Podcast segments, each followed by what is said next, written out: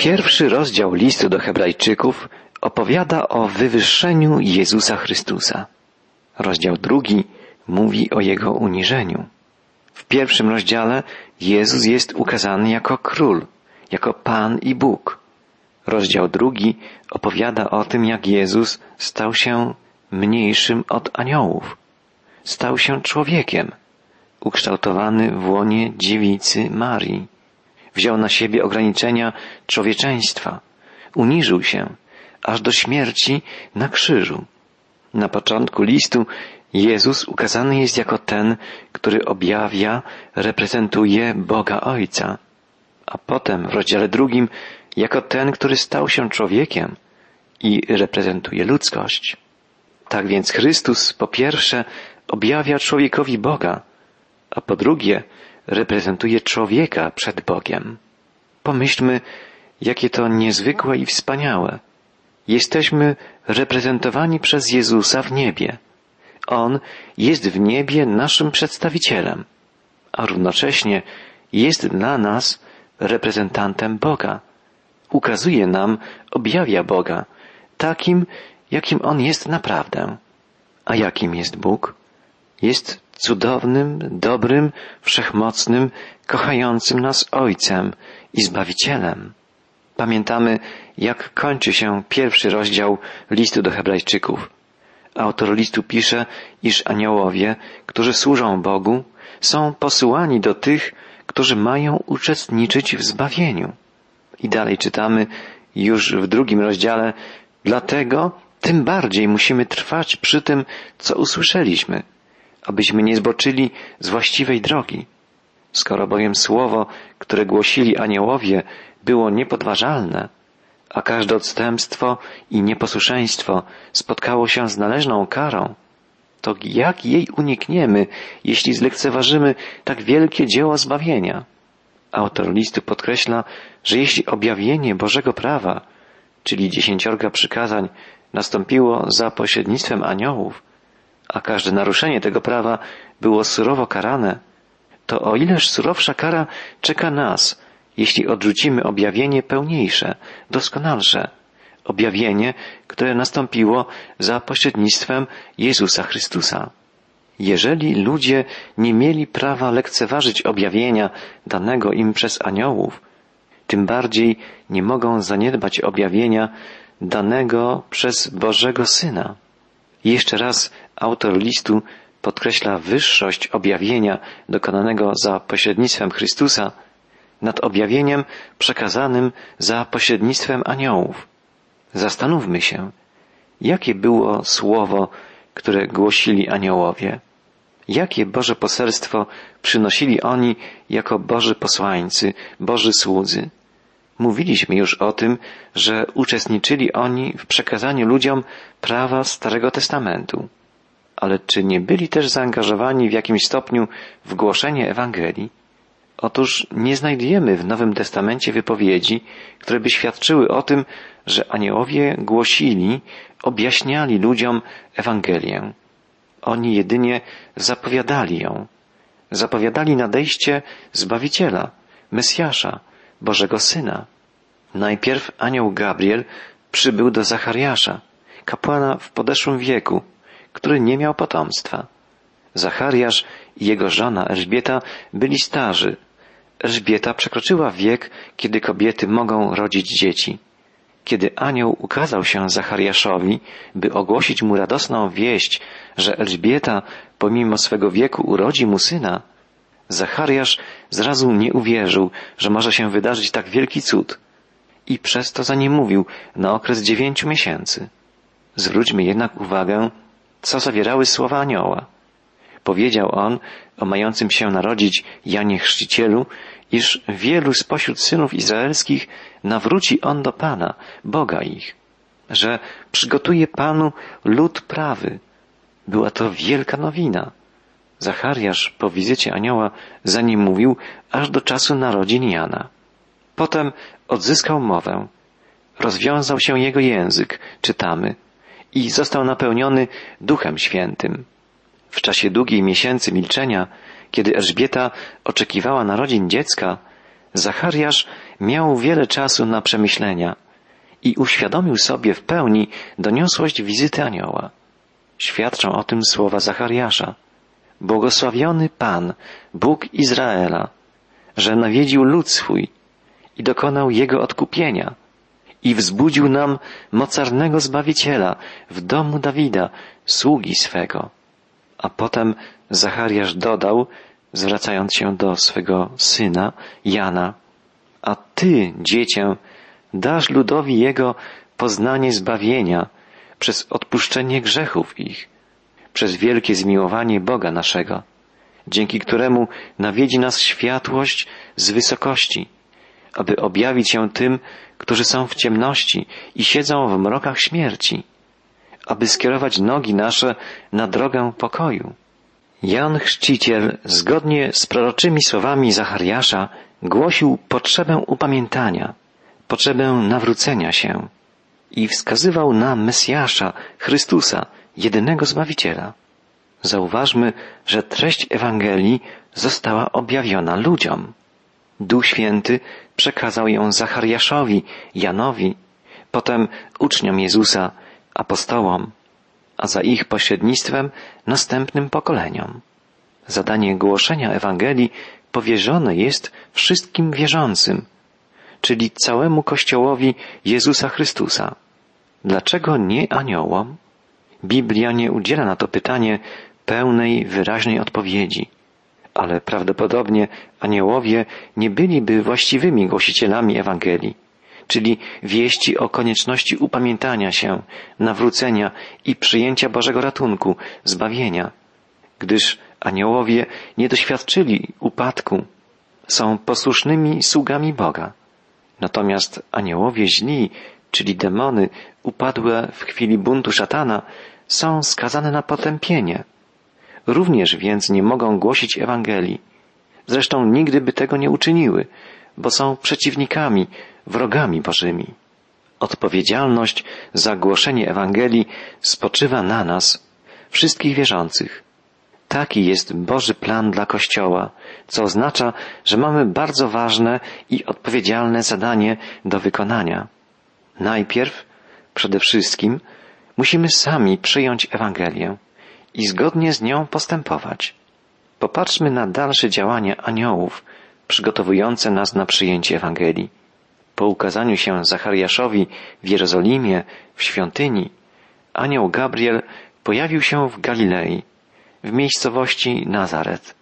Ukazał się młodej, czystej żydowskiej dziewczynie o imieniu Miriam, czyli Maria, zaręczonej z Józefem i oznajmił jej, że mimo iż jest dziewicą, pocznie z mocy Ducha Świętego, Syna Najwyższego, który odziedziczy tron Dawida i będzie panował na wieki. Gabriel przypomniał więc Marii proroctwa Starego Testamentu o nadejściu Mesjasza i oznajmił jej, że to ona została wybrana, aby wydać na świat Syna Bożego. Maria zrozumiała poselstwo anioła. Świadczą o tym jej słowa Rozradował się duch mój w Bogu, Zbawicielu moim. Maria zrozumiała, iż każdy człowiek, jako grzesznik, potrzebuje zbawienia potrzebuje Bożego ratunku.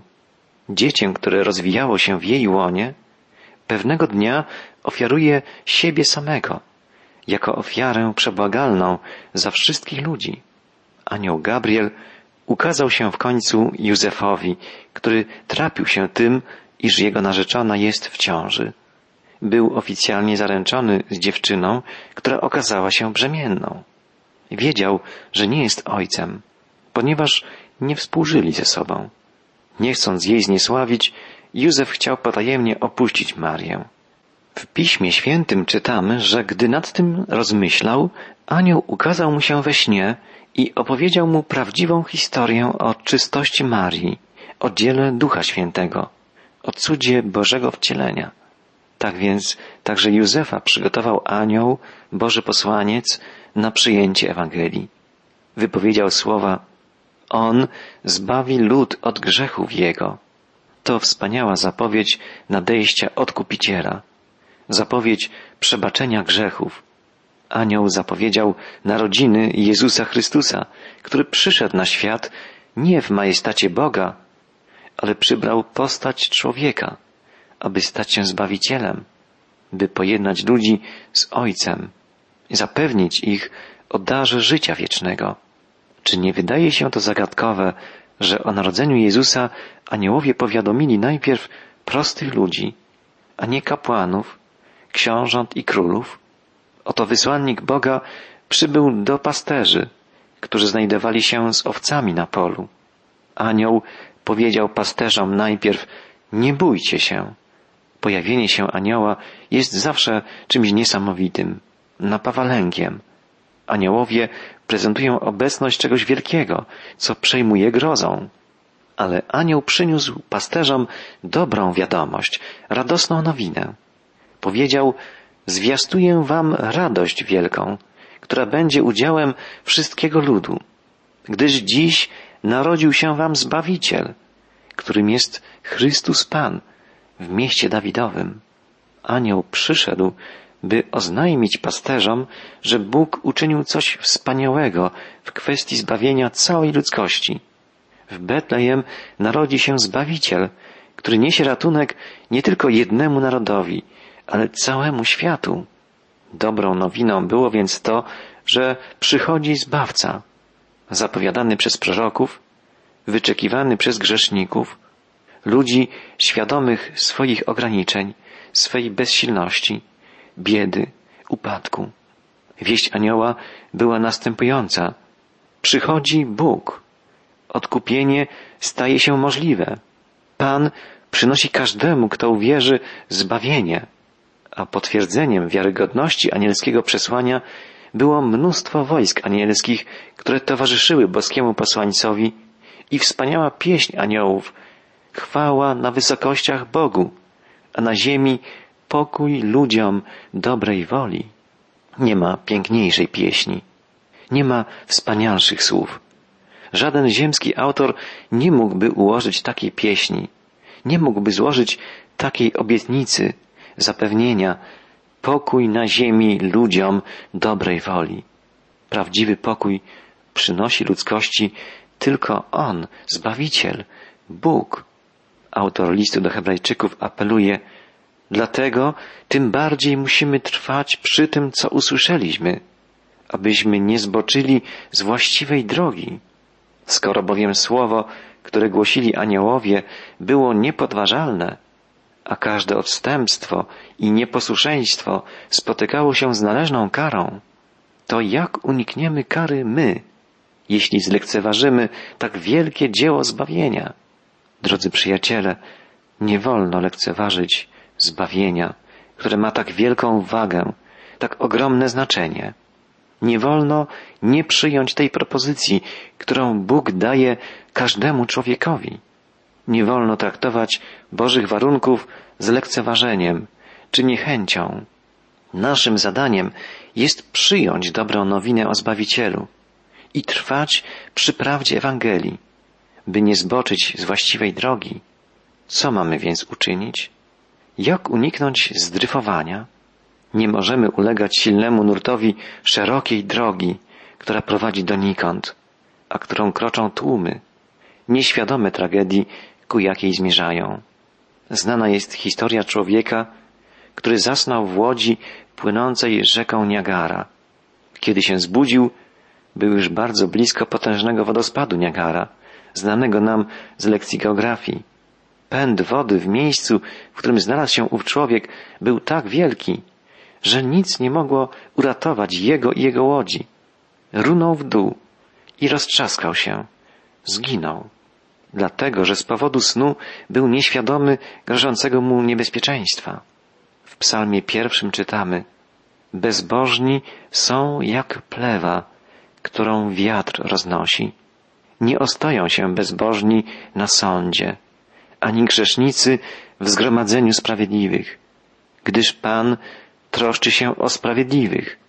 Droga zaś bezbożnych wiedzie donikąd.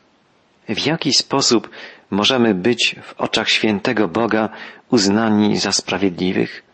Jak my, jako grzesznicy, możemy być ocaleni? zbawieni?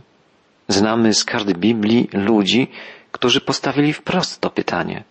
Zapytali, co mam uczynić, żebym był zbawiony?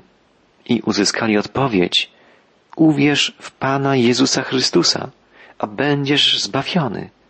Wiara w Jezusa Chrystusa przynosi zbawienie. Tylko On może usprawiedliwić człowieka, oczyścić go z grzechu. Autor listu do Hebrajczyków podkreśla, że teraz znamy poselstwo o zbawieniu z pierwszej ręki.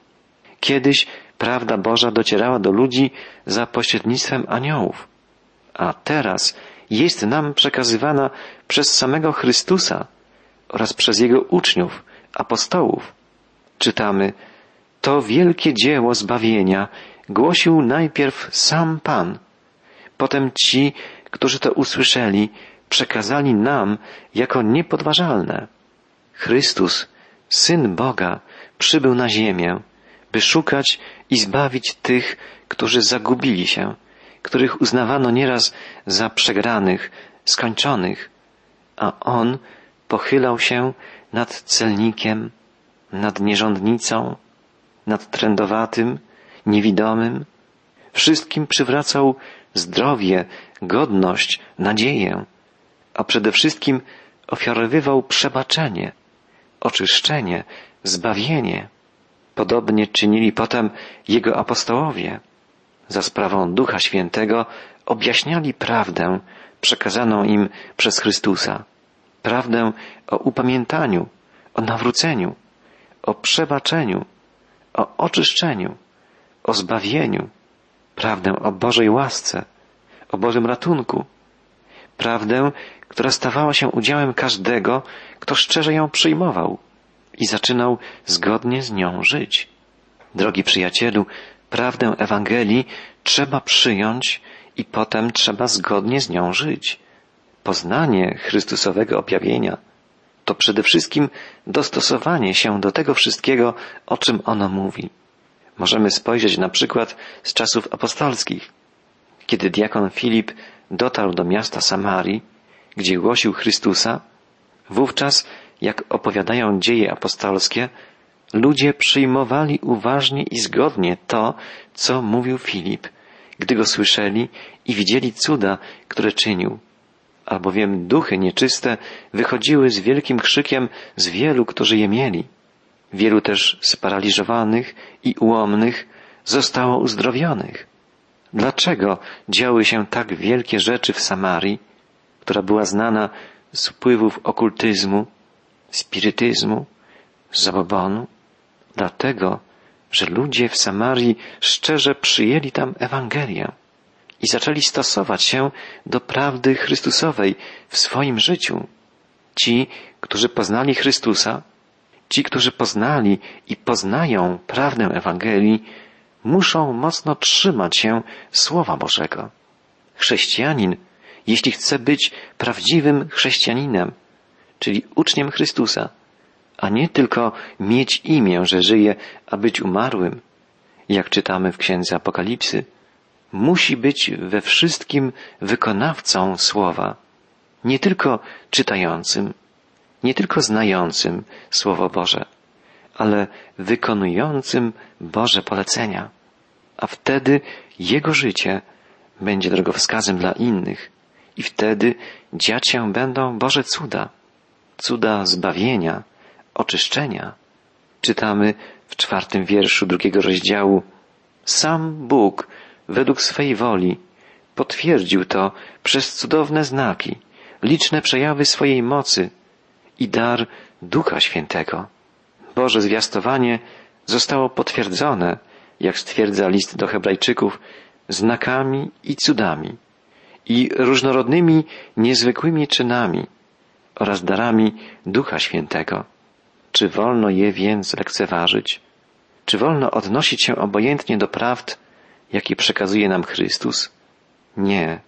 Ewangelia to największy skarb, nieporównywalny z żadną najcenniejszą nawet rzeczą czy ideą, bo przynosi nam zbawienie, wieczne życie u boku cudownego Boga, jedynego żywego, zmartwychwstałego Pana. Trwajmy w Słowie Bożym i wykonujmy je, bowiem powołał nas sam Bóg. Jego bowiem dziełem jesteśmy, stworzeni w Jezusie Chrystusie do dobrych uczynków, do których przeznaczył nas Bóg, abyśmy w nich chodzili. Trwajmy w Bożej prawdzie i czuwajmy, pamiętając o wspaniałej obietnicy. Wierny jest ten, który was powołuje. On też tego dokona.